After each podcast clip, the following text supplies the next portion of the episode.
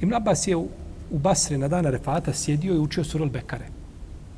I cijeru suru Bekare protesirio u jednom međusu. Cijelu suru protesirio šta u jednom? Da nam neko stavio se ispred vas i da uči suru Bekare onako učenje, onako jedno solidno, onako lijepo učenje, sat i po najmanje. Samo da pročita. Gdje je tefsir?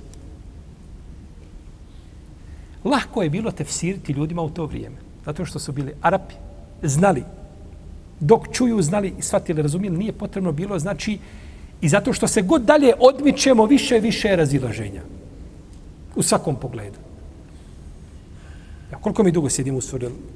Koliko dugo tefsir? Koliko smo, kada smo počeli s surom, tefsirom? Koliko? Godina samo? Ja mislim da imaju pune dvije, ako nije i treća se upolovila. Uglavnom, koje, ko ima zapisano, znači, ovaj, da nas čuju, da Ibn Abbas nas čuje, rekao bi čekat ću vas ispred džamije. Kakav tefsir? Dvije godine. Više dvije godine. Znači, ovaj, kako vrijeme odmiče, kako ide prema Ahir Zemanu, jel tako, tako je sve, jel tako, treba sve pojašnjavati ovaj, na kaškicu, jer se ne razumiju, znači Allahove riječi. A Ibn Abbas u jednom međusu, na dan Arefata, to znači da su ljudi šta? Postili. Ej, postili još. U jednom međusu protefsirio sura al-Bekare cijelu.